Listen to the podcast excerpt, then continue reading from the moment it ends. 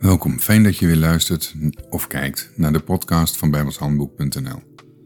De podcast waarbij we bepaalde begrippen uit de Bijbel uitvoerig bespreken. In de komende drie podcasts gaan we het hebben over het begrip Grote Verzoendag. En voor ons is dat een hele belangrijke dag. Want we zullen zien dat die dag alles te maken heeft met het offer van Christus.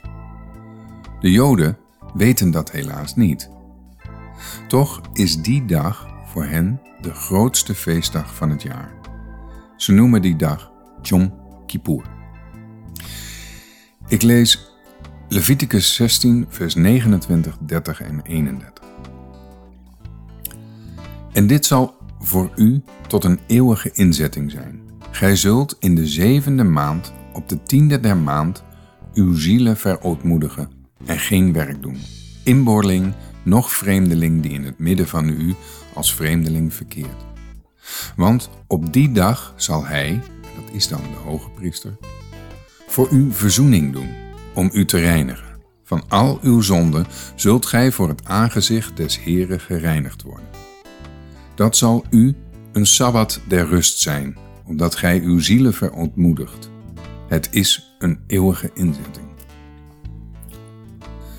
Grote Verzoendag wordt dus gevierd op de tiende van de zevende maand. Dat is de maand Tisri.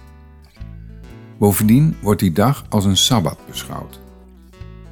En je weet het, op sabbat mag er niet gewerkt worden, want zes dagen zult gij arbeiden en al uw werk doen, maar de zevende dag is de sabbat des Heren, dan zult gij geen werk doen. Grote Verzoendag was de belangrijkste dag van het jaar omdat op die dag het volk gereinigd werd van alle zonden. Op Grote Verzoendag moesten er een aantal offers gebracht worden, waaronder die van de twee bokken. Eén bok werd geslacht en geofferd en de andere bok werd de woestijn ingestuurd. Die bok werd de weggaande bok genoemd. En deze zou levend voor het aangezicht des Heren gesteld worden.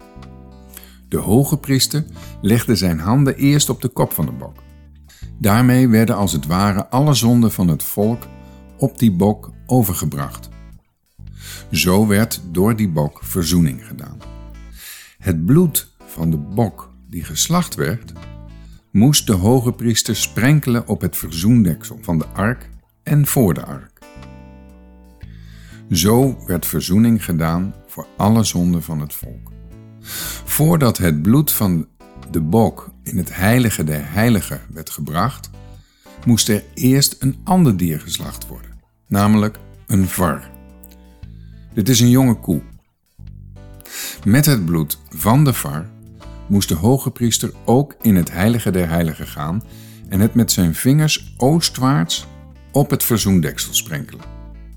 Zo deed hij verzoening voor de zonde van hemzelf en van zijn huis. Leviticus 16, vers 17. En geen mens zal in de tent der samenkomst zijn als hij zal ingaan, om in het heilige verzoening te doen totdat hij zal uitkomen. Alzo zal hij verzoening doen voor zichzelf en voor zijn huis en voor de gehele gemeente van Israël. Zolang de hoge priester in het heilige der heiligen was, mochten de andere priesters niet in het heilige komen om daar bijvoorbeeld hun werkzaamheden te verrichten, totdat hij zal uitkomen. Er zijn nogal wat regels en dingen die we hier opgenoemd hebben. En later zal blijken dat ze allemaal een bijzondere betekenis hebben.